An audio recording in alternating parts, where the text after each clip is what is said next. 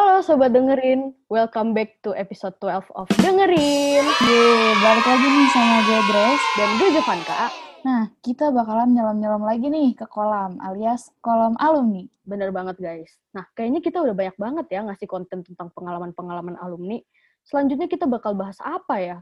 Sampai kehabisan ide nih kita. Iya ya, kayaknya kita butuh bantuan sobat dengerin nih buat segmen kolam. Iya dah, kayaknya kita harus buka question box kali ya di Instagram. Nah, buat sobat dengerin yang mau request topik ke kita, bisa banget nih follow Instagram baru kita di @denger.ien. Jangan lupa ya guys. Yoi guys, jangan lupa di follow ya. Dan jangan lupa buat follow IG at juga ya. Wih, bener banget tuh. Ngomong-ngomong nih, hari ini kita bakal bahas apa sih? Oh iya, segmen kolam kali ini kita bakal menyelam lebih dalam nih tentang gimana sih kerja di luar negeri bareng bintang tamu kita yang sangat spesial nih. Oh, keren banget. Langsung aja deh, kalau gitu kita sapa bintang tamunya. Halo, Bang Babas dan Bang Braska. Halo. Halo. Ya, silahkan bisa diperkenalkan diri terlebih dahulu, Bang. Halo, Alaskan Nur Braska Keramani Brata. Biasa dipanggil Braska. Industrial Engineering 2000, eh, 2009, lulus 2014. Kesukaan gua hiking, jadi berbau outdoor uh, outdoor activity. Udah itu aja. Oke, lanjut ke Bang Babas.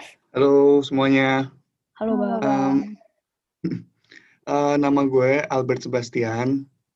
Ada yang panggil saya Albert, ada yang panggil Babas. Saya Industrial Engineering 2012, graduate tahun 2016 dan bekerja dari lulus sampai sekarang. Terima kasih. Uh, Wah, iya, keren banget nih. Eh, berarti Bang Braska sama Bang Babas sempat ketemuan ya di kampus ya? Karena batch-nya nggak terlalu jauh gitu Empat, kan? Sempat, sempat. empat. Mm, Sering-sering. Dulu ya. Oke deh, by the way nih Bang, sebelum kita masuk ke main topik, kita mau tanya dulu nih. Dulu apa sih yang bikin Bang Babas dan Bang Braska itu masuk iPress Unif nih Bang? Boleh diceritain dari Bang Babas mungkin? Em, alasan gue waktu itu pilih Industrial Engineering karena dulu sih waktu daftar Presiden University, gue belum tahu mau daftar di mana. Tapi yang gue sangat tertarik dengan dunia teknik. Ketika gue lihat nih, itu waktu daftar hanya ada dua, teknik industri dan teknik elektro.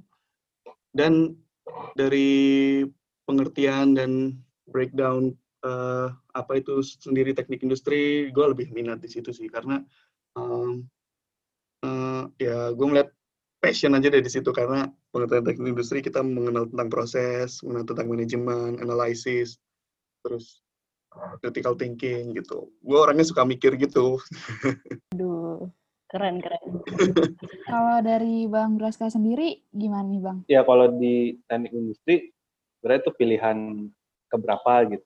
Soalnya dulu pilihannya tuh mau ke mining karena di Trisakti kurang struck. eh, terus temen ada ngajak di uh, Presunif waktu itu bilang ada tekniknya. Udah karena ada dua dan lebih masuk ke teknik industri, jadilah masuknya ke eh, teknik industri. Karena kalau teknik elektro nggak begitu paham sih eh, apa namanya ngapainnya. Kalau industri kan ya itu kayak belajar manajemen, analis, terus ada tekniknya juga. Kurang lebih hampir semua dipelajarin dalam teknik, tapi secara umumnya kan kalau teknik industri gitu. Oh gitu Bang. Eh, dulu masih dua ya Bang ya? Sekarang udah lima nih Bang Oh iya, apa aja? tekniknya. Iya, Udah berapa, udah ada mekanikal, eh, teknik lingkungan, eh, ada Sipil. teknik sipil juga. Oh ya, banyak tuh orangnya semua. Ya banyak lah Bang. Tapi kalau misalnya Sopu gitu masih disatuin sih engineering. Oh masih Iya. satu. Nah, kan kita masih mahasiswa awam nih ya, Bang. Kita mau nanya dong, Bang, gimana sih caranya kok bisa sampai meniti karir di negeri jiran gitu? Apakah abang-abang apply sendiri atau dapat tawaran atau mau Oh. ketemu penipin gitu, Bang? Tapi sebelumnya ya, tanya dulu dong Grace. Eh, bisa diceritain dulu gitu Bang. Sekarang lagi kerja di mana, udah berapa lama dan sebagai apa gitu Bang. Kalau kalau gue sih kebetulan gue bekerja di sini karena eh, bukan cari kerja ya. Jadi sebenarnya gue tuh masih bekerja di perusahaan yang sama dari gue fresh graduate dulu. Jadi itu ada uh, satu multinational company belong to Indonesia dan uh, dia punya beberapa apa namanya cabang uh, salah satunya di Malaysia dan ketika ada project atau occasion-occasion tertentu butuh uh, talent untuk dikirim ke sini ya itulah saya mendapatkan kesempatan untuk pergi ke Malaysia sekarang di sini. Kalau dari sudah dari berapa lama untuk di Malaysia dari 2018 ya. Jadi karena sifatnya project, jadi waktu itu uh, masih mobile sih. 2018 beberapa bulan, habis itu sempat ke Singapura uh, setengah tahun, habis itu balik lagi sampai sekarang di Malaysia. Seperti itu. Hmm. Kalau berarti udah berapa lama tuh bang? Dari 2018 ya bang ya? Iya 2018. Udah nggak di Indonesia lah gitu. Oh, berarti udah dua tahun ya bang? kurang lebih deh dua, dua tahun. Iya, kalau di Malaysia sendiri kerjanya sebagai apa nih bang? Hmm, nah ini pertanyaannya ini nih. Uh, kalau sekarang, pertanyaan sekarang, uh, gue sudah menjadi production planner, IE banget nggak? PPIC ya? Iya betul. Jadi gue jadi production planner dari tahun lalu, tepat satu tahun yang lalu, Agustus 2019. Ya setelah banyak dikaliku, satu dan lain hal gitu. Uh, awalnya gue sempat handle project, terus jadi proses engineer juga, waktu di Singapura proses engineer juga, lalu ke Malaysia, sekarang jadi production planner sampai sekarang. Jadi sifatnya karena uh, gue tuh dikirim atau assignment gitu ya, nanti gue mengikut aja deh. Hmm, I see, I see. Kalau Bang Braska gimana Bang? Gue di Kuala Lumpurnya. Perusahaannya sih pusatnya di Eropa, di Dublin. Tapi dia kayak cabang Asia, Southeast Asia tuh di Kuala Lumpur. Company-nya sih namanya Accenture. Di Indo juga ada, cuman Accenture ini gerak di bidang teknologi sebenarnya. Sudah dari tahun 2018 juga, Januari 2018. Sebagai apanya? Gue sih sebagai analis. Jauh dari engineering. Ini nggak ada relate sama sekali sama jurusan di kuliah. Oh, analis apa nih? Itu sebenarnya ke teknologi sih, teknologi kayak IT gitu sih. Berarti sama-sama dua tahun dan di Malaysia nih ya bang? Ya, baru pulang sekali. Balik lagi ke pertanyaan yang tadi nih bang, Kira-kira abang-abang ini ngeplay sendiri atau dapat tawaran sih buat kerja di luar negeri? Kalau dari Bang Braska gimana? Kalau waktu itu dikasih tahu ada lowongan, terus gua apply. Waktu itu interview tingkat sih kalau gua waktu itu karena uh, company-nya tuh hire banyak orang Indo, jadi nggak gua nggak sendiri. Interviewnya gua langsung face to face, jadi nggak by phone. Oh berarti abis apply langsung dapet dapet tawaran buat interview ya bang? Iya. Oh, kalau Bang Babas gimana nih Bang? Hmm, kalau gue ya pertanyaan yang mendapatkan tawaran atau apply sendiri, um, mungkin lebih mendapat tawaran ya, karena gue kan sifatnya assignment job. Jadi ya karena company ini punya project, salah satu projectnya di Malaysia, terus butuh resource untuk kerja di sini ya, salah satunya saya untuk mendapatkan pekerjaan di sini gitu. Jadi ya nggak ada proses-proses yang apa apply atau apa, jadi dikirim aja gitu. Oh iya.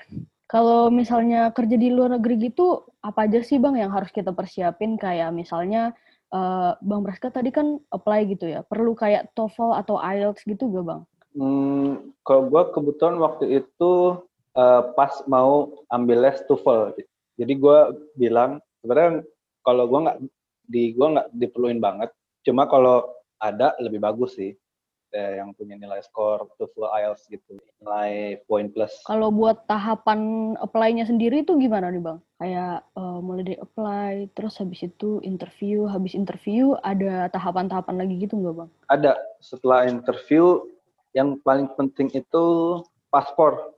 Punya paspor dan paspornya itu aktif minimal 14 bulan atau 16 bulan gitu. Kalau gue waktu itu karena baru bikin 2017 paspor lima tahun jadi uh, masih cukup waktunya, jadi nggak perlu perpanjang. Kalau Bang Babas sendiri, kira-kira nih mau keluar negeri, mau kerja di luar negeri apa sih yang disiapin? Baju.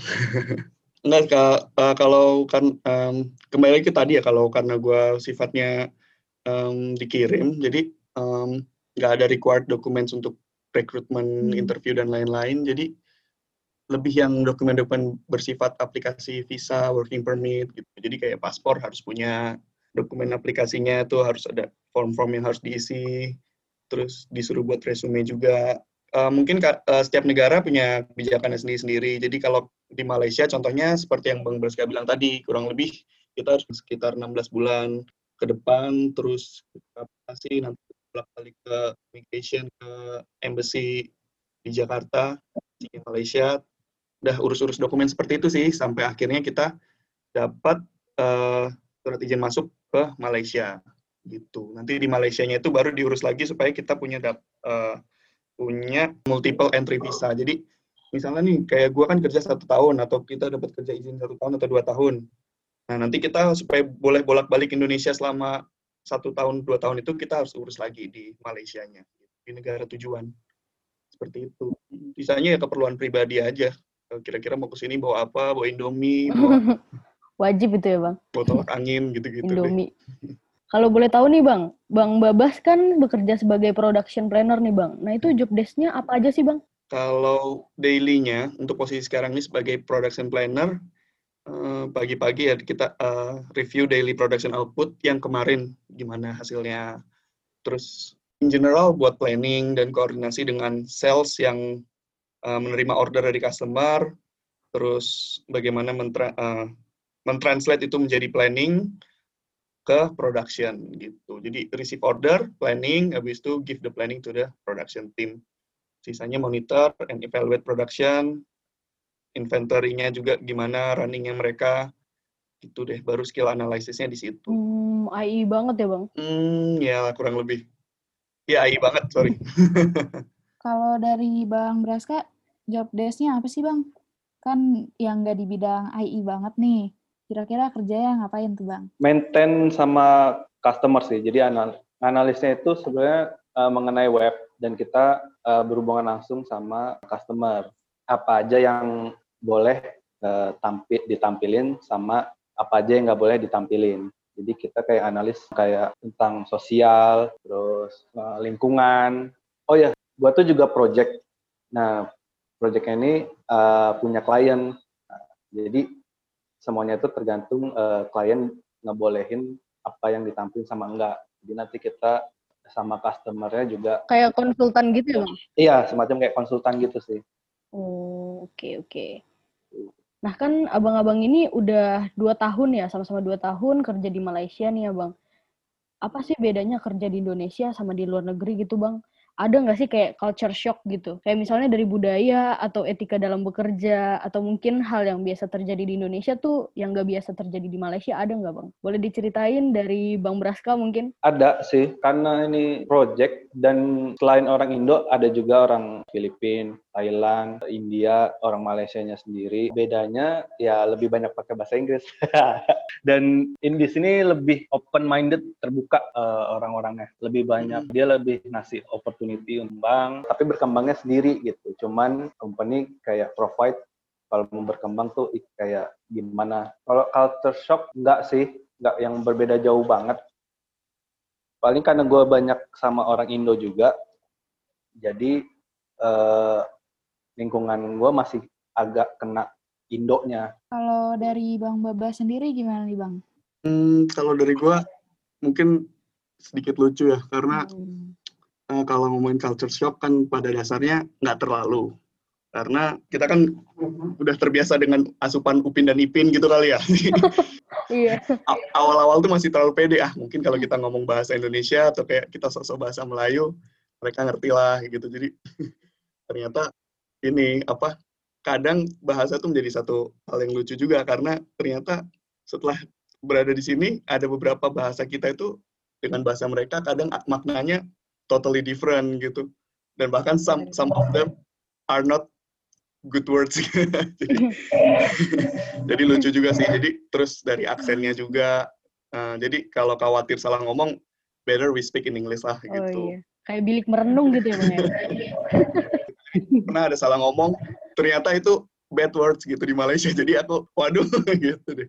Aduh. Kalau misalnya nih Bang dilihat dari segi pendapatan ya, lebih memuaskan kerja di Indonesia atau di luar negeri sih? Coba Bang Braska kali ya, boleh jawab duluan. Kalau segi pendapatan di sini, kalau di sini bisa nabungnya lebih banyak lah. Kalau dari Bang Babas gimana nih Bang? Hmm, kurang lebih sama sih. Jadi ya dengan ada kesempatan di sini ya ada benefitnya deh gitu. Oh, berarti lebih memuaskan bekerja di luar negeri ya Bang ya?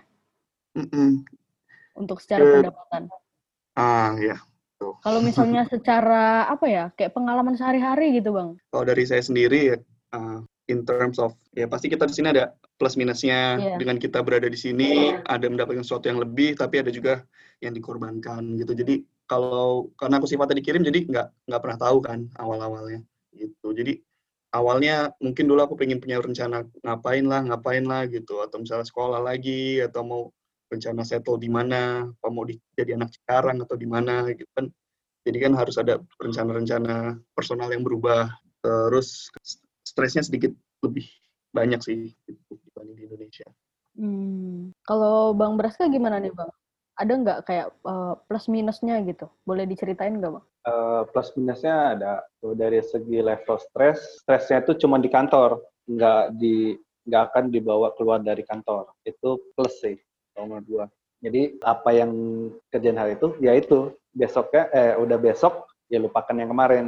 Mungkin karena dari segi kontrak gua tahun setahun setahun jadinya paling eh, minusnya ya kadang mungkin kalau company-nya lagi nggak butuh orang nggak perpanjang di kontraknya Hmm, iya. kalau dari segi environment sih sebenarnya nggak bikin stres sih karena kita kerjanya sebagai tim jadi lebih senangnya tuh bareng-bareng sama tim itu Nah, tadi kan Bang Braska sendiri bilang ya, kalau di sana bisa lebih nabung gitu.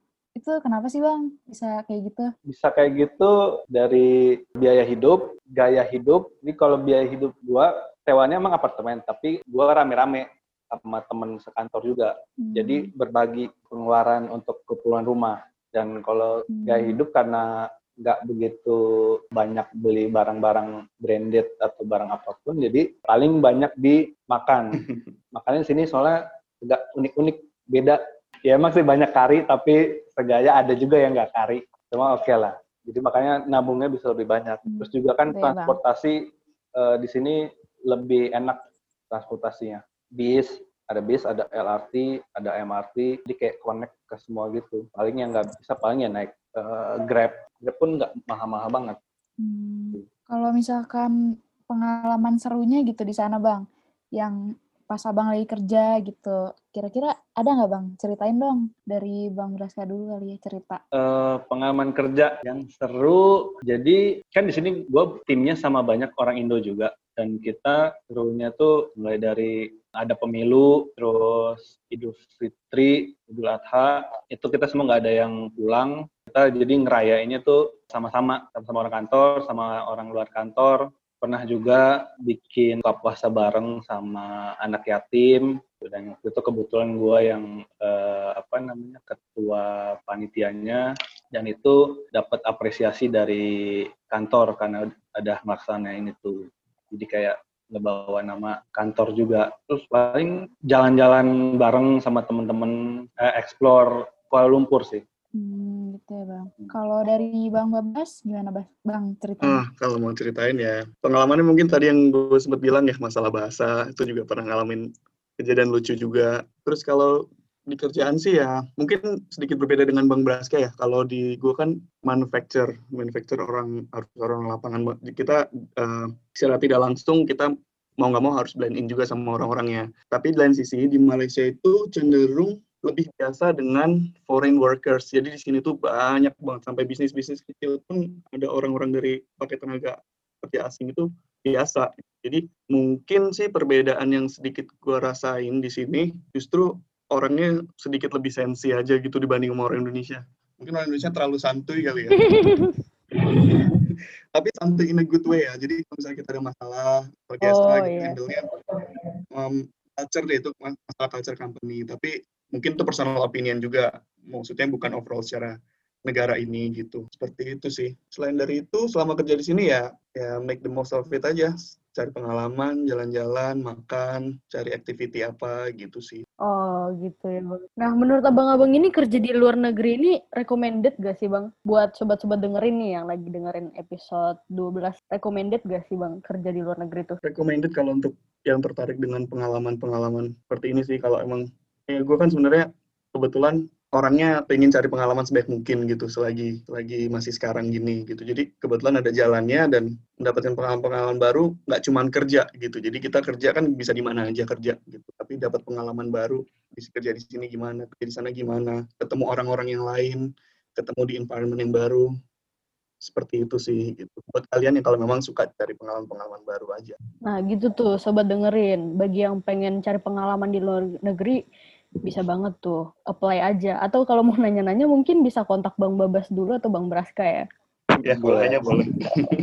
Kalau dari Bang Braska sendiri gimana nih? Menurut Bang Braska tuh recommended gak sih kerja di luar negeri tuh? Uh, recommended. Sama kayak Babas bilang kalau yang nyari experience itu bakal dapat banyak banget experience. Gak cuma dari segi working dari segi kehidupan juga. Itu tadi bisa lebih banyak nabung di sini dan ya experience nggak cuma kerjaannya aja. Dari uh, pengalaman hidup pengalaman jalan-jalan kalau yang suka jalan-jalan kuliner kalau yang suka kuliner uh, lingkungan pun ada. Memang kalau karena gue di kota jadi sama aja kayak Jakarta. Paling kalau ke pinggir-pinggir aja baru ada yang hijau lebih hijaunya. Hmm, gitu ya bang. Nah bang kita mau tanya-tanya nih bang. Kira-kira tips and triknya kalau misalkan yang pertama ya bang kalau misalkan kita mau kerja di luar negeri itu kira-kira skill atau mungkin attitude apa sih yang bisa kita jadiin bekal buat kita kerja di luar negeri? Mungkin Bang Babas bisa jawab. Tips and trick ya. Um, mungkin kalau kita nanya tentang skill, um, sebenarnya specifically in Malaysia, hard skill kita cukup cukup kompeten sih, cukup potensial juga untuk pakai di Malaysia. Menurut menurut saya ya, kan kayak biasanya rata-rata talent-talent orang Indonesia itu udah satu paket bisa banyak hal gitu, bisa drawing lah, bisa Excel-nya jago lah, bisa SAP analysis tool, dan itu menurut menurut gue cukup dihargai di di, di sini gitu karena uh, karena di sini nggak nggak sebanyak di Indonesia tuh biasanya orang punya satu paket seperti itu. Gitu. Kalau soft skill sih menurut saya klasik-klasik skill gitu masih imply juga di sini yang kita ngomongin leadership lah, communication, teamwork. Leadership itu nggak harus tentang menjadi leader ya gitu. Kayak kita how how you manage yourself, disiplin sama diri sendiri, how you behave, uh, menempatkan diri di tempat yang baru, gimana kita cara ngomong dengan orang lain. Selain dari situ, oh ya mungkin specifically interpersonal skill-nya how to be more open-minded aja karena kita kan uh, menghadapi orang-orang baru kan gitu. Kita nggak pernah tahu apa yang uh, orang-orang seperti apa yang mungkin kita jumpai. Berarti kita juga harus fleksibel dengan cara-cara baru dan juga karena kita datang ke negara lain mungkin saran gue sih try oh, try to be humble as always gitu karena kita kan foreigner gitu. Walaupun kita mencoba untuk treat everyone equally, ya misalnya kita belajar mau belajar bahasanya, mau tahu cara pikir mereka gimana gitu. Kurang lebih seperti itu sih. Berarti dengan ikut Puma bisa mengembangkan skill yang tadi Bang Babas sebutin ya? Iya. Banget. Bener banget. Bener loh. Tuh, dengerin guys.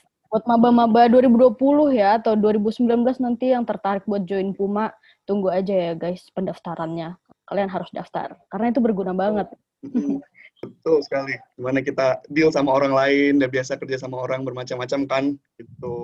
Jangan baperan juga, maksudnya kita nggak pernah tahu nih orang ini gimana, mungkin orangnya straightforward atau apa gitu. Jadi don't expect don't expect others to be a person like you gitu, karena kamu nggak pernah tahu orang-orang di luar tuh pembawaannya gimana gitu, kebiasaannya gimana.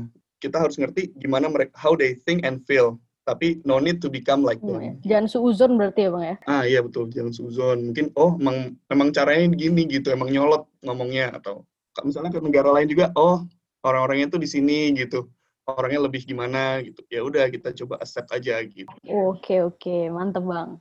Kalau dari Bang Braska gimana nih Bang? Skill atau attitude apa nih yang harus kita punya buat bekal kerja di luar negeri? Mungkin awalnya yang perlu disiapin itu mental ya, mental untuk uh, bakal jauh nih dari keluarga, teman dan lingkungan baru. Mungkin kalau kita masih kuliah kan masih lingkungan kalau di Indo kita ke daerah mereka masih bisa bahasa Indonesia masih bisa ngerti gitu paling bedanya di wataknya aja kalau di sini kan nggak semuanya bisa uh, bahasa bisa bahasa Inggris. Jadinya ngerasanya asing banget dan bingung nanti bakal bingung mau, mau ngomong apa. Kalau kita nggak bisa bahasa kayak kebetulan karena Malaysia masih kurang lebih sama kayak bahasa Indonesia jadi uh, mereka kan agak campur Inggris Melayu. Jadi Indonesia pun kadang-kadang uh, mereka ngerti karena banyak orang Indo juga di sini. Kalau dari uh, segi skill kurang lebih kayak dibilang babas sih. Kalau kan kalau di Indo memang dipelajarin uh, hampir semua. Karena kalau ini mereka kuliahnya tuh langsung spesifik gitu. Ada juga yang kurang lebih sama, cuman jangan merasa kita udah tahu, nggak aja kita nggak uh, tahu jadinya kita akan bakal belajar lagi.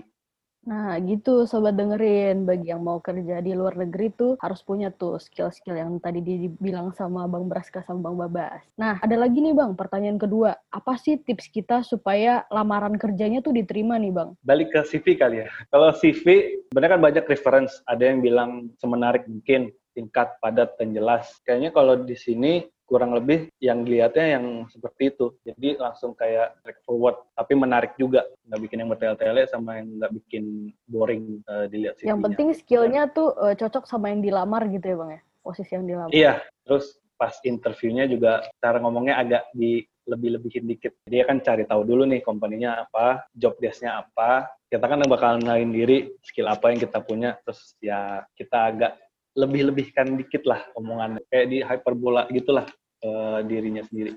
Berarti istilahnya kayak di sugar coat gitu ya bang ya? Iya, ya gitu.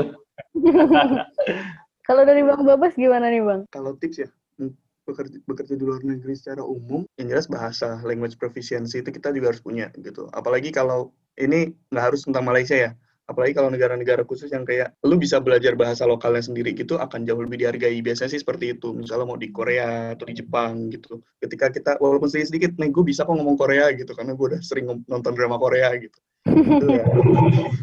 itu akan pasti akan lebih dihargain gitu. Terus mungkin kalau pekerjaan ya organizational skill itu terpakai sih di mana-mana gitu. Kita udah biasa interact dengan banyak orang, face a lot of problems and how to resolve them gitu. Jadi biasanya kan apalagi kalau fresh grad ya anak-anak baru yang belum lima tahun kerja, belum ada ber bertahun-tahun bekerja pasti ya nggak jauh-jauh ditanya tentang organisasi. Biasanya sih gitu sih pengalaman gue ya. Kamu pernah join apa gitu terus oh masalah apa yang pernah kamu hadapin, gimana kamu ngadepinnya, biasanya gitu. Nggak di, nggak di luar, nggak di dalam negeri, biasanya seperti itu. Generally sih kalau namanya kita kan datang keluar, uh, datang ke negara lain, ke negara orang. Generally ya, value apa yang kita bisa bawa gitu. Val kita harus punya value lebih di tempat yang kita tuju.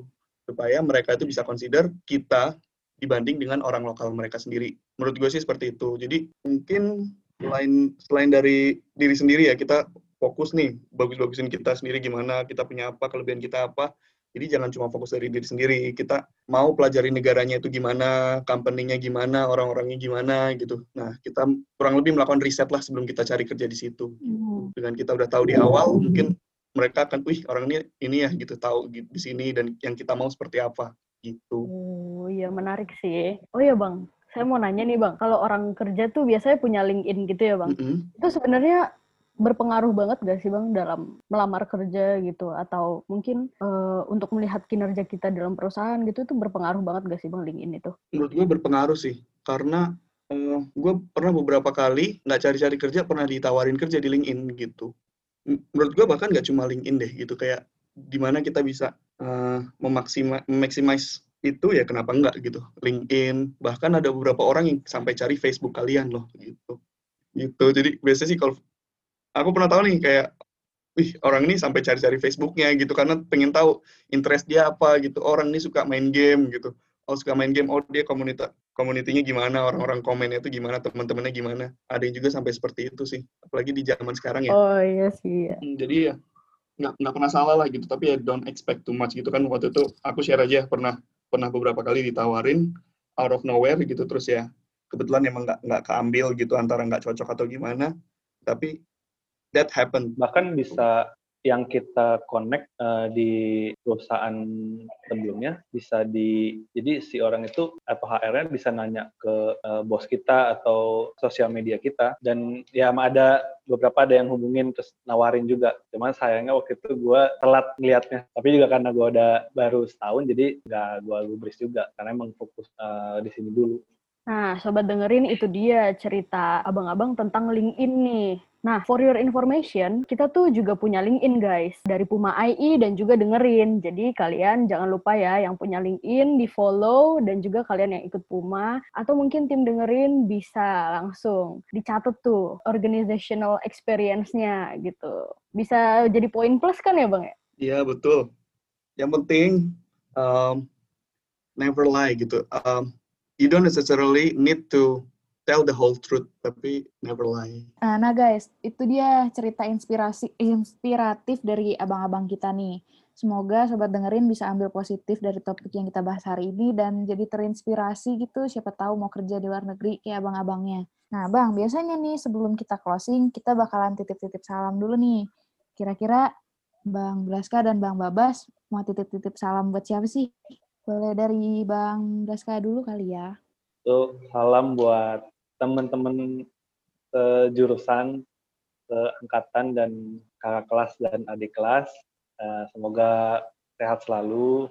Uh, insya Allah kita bertemu lagi uh, suatu hari nanti. Jaga dirinya masing-masing. Pagi keadaan COVID gini yang nggak bisa siapa aja kena, jaga dirilah masing-masing.